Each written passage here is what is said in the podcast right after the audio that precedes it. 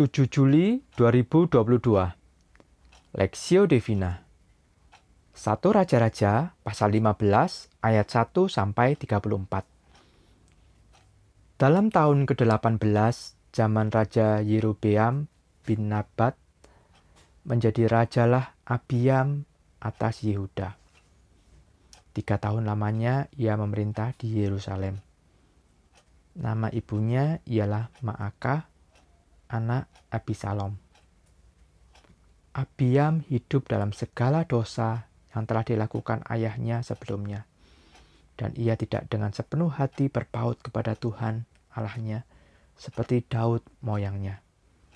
Tetapi oleh karena Daud, maka Tuhan Allahnya memberikan keturunan kepadanya di Yerusalem dengan mengangkat dengan mengangkat anaknya menggantikan dia dan dengan membiarkan Yerusalem berdiri. Karena Daud telah melakukan apa yang benar di mata Tuhan dan tidak menyimpang dari segala yang diperintahkannya kepadanya seumur hidupnya. Kecuali dalam perkara Uria orang Het itu. Dan ada perang antara Rehabeam dan Yerobeam seumur hidupnya. Selebihnya dari dari riwayat Abiam dan segala yang dilakukannya, bukankah semuanya itu tertulis dalam kitab sejarah Raja-Raja Yehuda? Dan ada perang antara Abiam dan Yerobeam. Kemudian Abiam mendapat perhentian bersama-sama dengan nenek moyangnya, dan ia dikuburkan di kota Daud. Maka Asa, anaknya, menjadi raja menggantikan dia. Dalam tahun ke-20 zaman Yerobeam, Raja Israel, Asa menjadi raja atas Yehuda. 41 tahun lamanya ia memerintah di Yerusalem. Nama neneknya yang perempuan ialah Ma'akah, anak Abi Salom. Asa melakukan apa yang benar di mata Tuhan, seperti Daud bapa leluhurnya. Ia menyingkirkan pelacuran bakti dari negeri itu dan menjauhkan segala berhala yang dibuat oleh non nenek moyangnya. Bahkan ia memecat Ma'aka, neneknya, dari pangkat ibu suri, karena neneknya itu membuat patung Assyria yang keji. Asa merobohkan patung yang keji itu dan membakarnya di lembah Kidron. Sekalipun bukit-bukit pengorbanan tidak dijauhkan, namun Asa berpaut kepada Tuhan dengan segenap hatinya seumur hidupnya. Ia membawa persembahan-persembahan kudus ayahnya dan persembahan-persembahan kudusnya sendiri ke rumah Tuhan, yakni emas dan perak serta barang-barang lain. Dan ada perang antara Asa dan Baesa, Raja Israel, sepanjang umur mereka. Baesa, Raja Israel, maju berperang melawan Yehuda, dan ia memperkuat Rama, dengan maksud mencegah lalu lintas kepada Asa, Raja Yehuda. Tetapi Asa mengambil segala emas dan perak yang masih tinggal dalam perbendaraan rumah Tuhan dan dalam perbendaraan rumah raja dan menyerahkannya kepada pegawainya.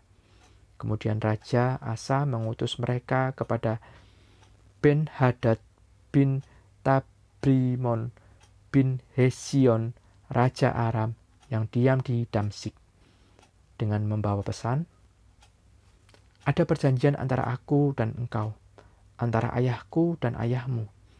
Di sini kukirim kepadamu suatu bingkisan, yakni emas dan perak.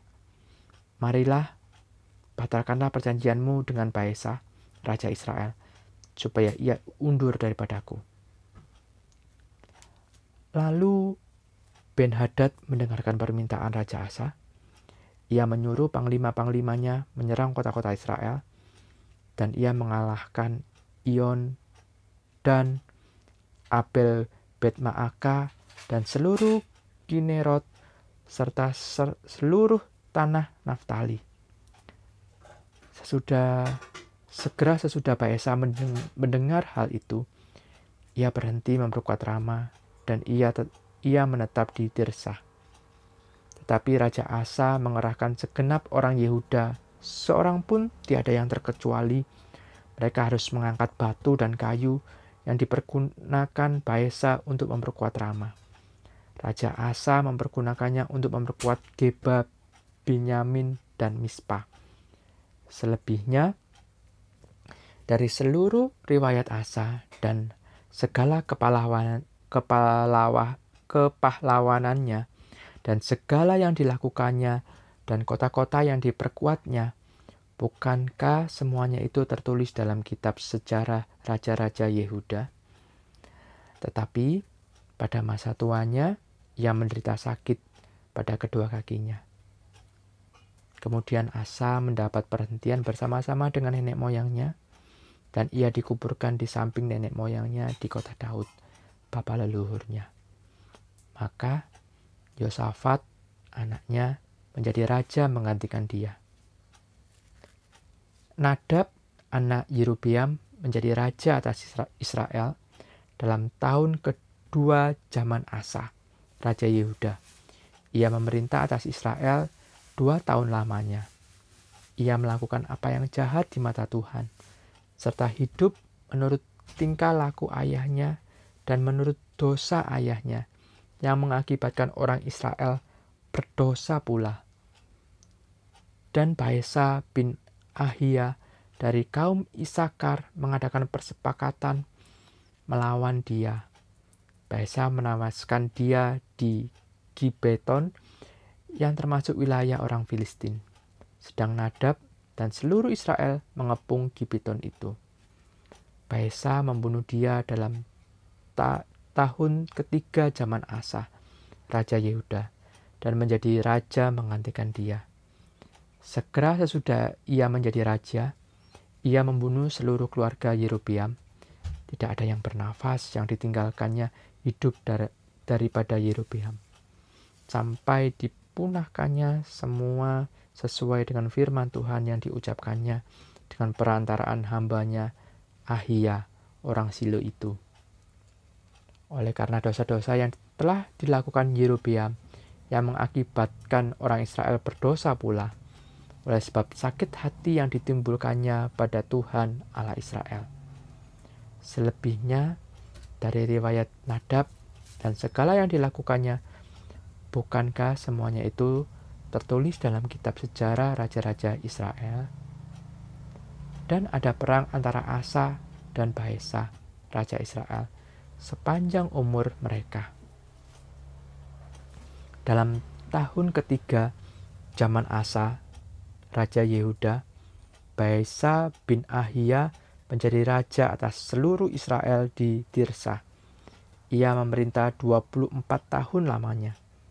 Ia melakukan apa yang jahat di mata Tuhan, serta hidup menurut tingkah laku Yerobeam dan menurut dosanya yang mengakibatkan orang Israel berdosa pula. Raja-raja Israel perspektif. Tetapi oleh karena Daud maka Tuhan Allahnya memberikan keturunan. Karena Daud telah melakukan apa yang benar di mata Tuhan dan tidak menyimpang dari segala yang diperintahkannya, kecuali dalam perkara Uria, orang Het itu. Satu Raja-Raja 15 ayat 4-5 Perenungan hari ini terambil dari kitab Satu Raja-Raja pasal 15 yang secara khusus berfokus pada ayat 4-5. Pada ayat tersebut ditulis, tetapi oleh karena Daud, maka Tuhan Allahnya memberikan keturunan kepadanya di Yerusalem dan mengangkat anaknya menggantikan dia dan dengan membiarkan Yerusalem berdiri. Karena Daud telah melakukan apa yang benar di mata Tuhan dan tidak menyimpang dari segala yang diperintahkannya kepadanya seumur hidupnya kecuali dalam perkara Uria, orang Het itu. Pada ayat sebelumnya dituliskan bahwa Raja Abiam adalah Raja Yehuda yang hidupnya di dalam dosa dan tidak berpaut kepada Tuhan. Akibatnya adalah Raja Abiam tidak memiliki keturunan yang dapat menggantikan dia.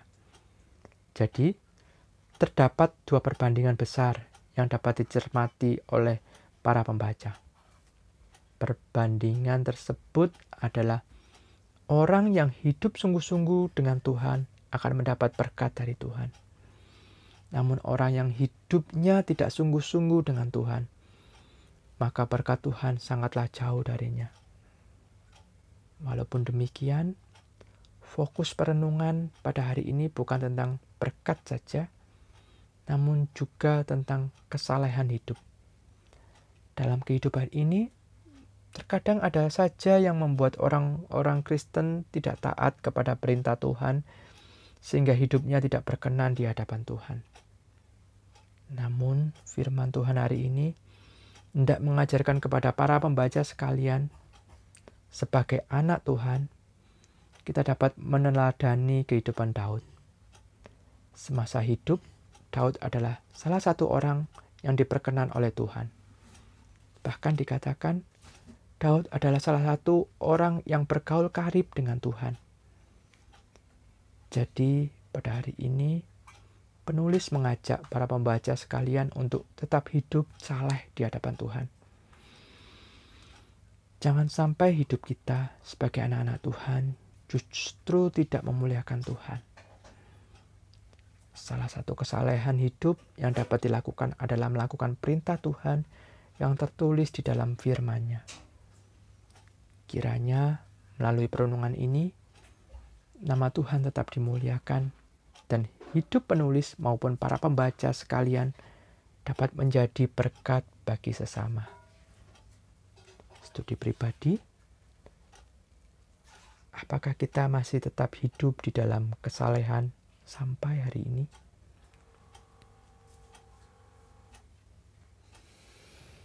Pokok doa, berdoalah agar setiap orang Kristen menjadi ber, menjadi anak-anak Tuhan yang tetap menjaga kesalahan hidup, sehingga hidupnya memuliakan dan menyenangkan hati Tuhan.